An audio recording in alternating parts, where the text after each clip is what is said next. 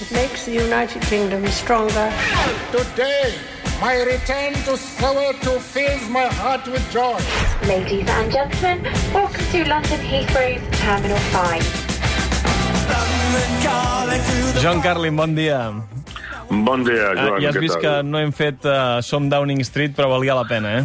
Todavía no, pero no, pero llegará, llegará, ya verás, ya verás. Un día, bueno, mira, si se acaba la monarquía, em, pues habrá que buscar otro otro tema. Por Sí. cierto, estaba pensando que quizá Nadal deliberadamente perdió el partido contra Andy Murray para no tener que dedicarle la victoria al rey emérito. Mm, Doncs uh, no ho sé, uh, però la veritat és que seria una bona pregunta per, per fer-li en alguna roda de premsa. Escolta, John, uh, la setmana passada que ens parlaves d'aquest uh, tremolor uh, de Boris eh, Johnson, uh, aquesta setmana el que ha tremolat és el país sencer amb aquest tancament de fronteres amb França, que jo crec que va més enllà de la pandèmia, i aquí hi ha uh, geopolítica de la bona, ajustament de comptes, ves que no hi hagi també alguna mica del conflicte pesquer aquest que tenen amb les illes de, del canal.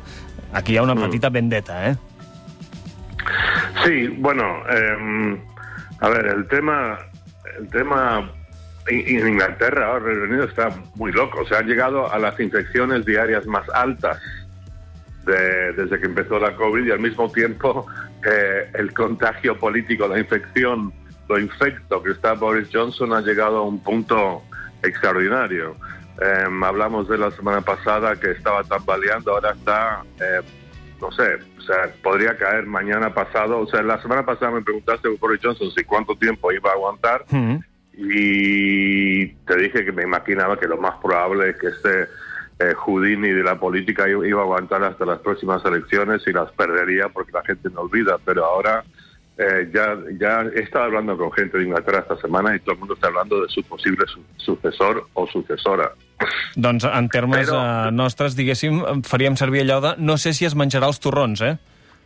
No, exacto, ese es el tema. Pero no sé, me imagino que los turrón sí, pero pero pero quizá em, no sé, los chocolates y tal, de co- conejitos de chocolate de Pascua, quizá no.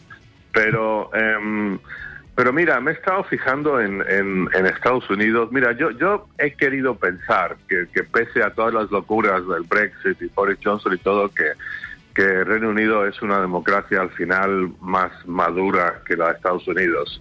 Y, y lo que ha estado ocurriendo ahí en las las últimas semanas, esta investigación sobre lo que, lo que es la invasión al Capitolio, me, sugiere que sí, porque lo que ves en, en Reino Unido es que cambian los hechos y la gente cambia de opinión y la gente ahora se vuelca contra Boris Johnson.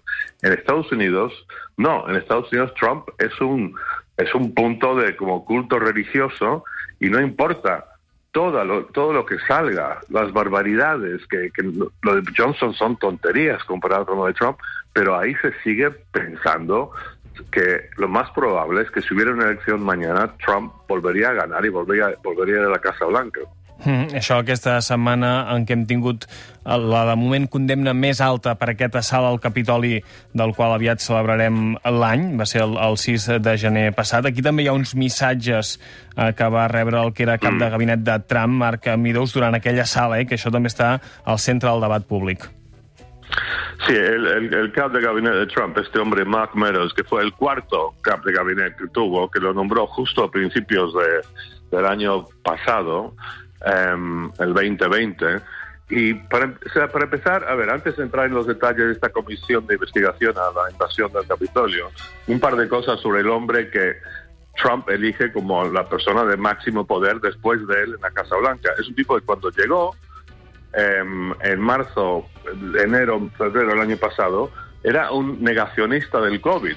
La, COVID no existía. Esto para, para ver el nivel. Segundo, cuando era más joven, eh, Mark Meadows, el jefe de gabinete de Trump, repetimos, era un creacionista, convencido de que el mundo fue creado hace 6.000 años y que los hombres convivieron con los dinosaurios. Esto es lo que este hombre creía.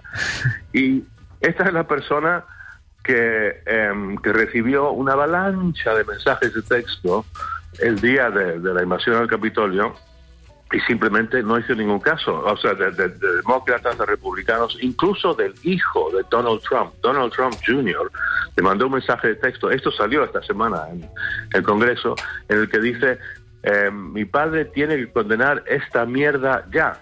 Lo dijo el, propio hijo, que es otro fanático más. Y este tipo lo, lo ignoró y, y está en el centro del huracán y ahora Mark Meadows se niega a, a comparecer ante esta comisión de investigación del Congreso y como consecuencia podría acabar en la cárcel. Pero lo tremendo, Joan, es que el voto a favor de Trump no se mueve.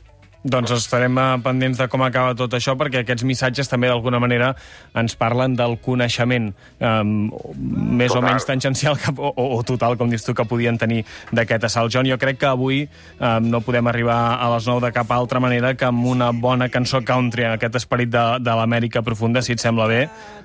Per tant, Ah. uh, arribarem amb bé. aquest uh, By Dirt, em sembla que es diu. Sí? Diuen Ah, que sí. sí, sí. doncs amb ell arribarem uh, fins les 9. Gràcies, John. Ok.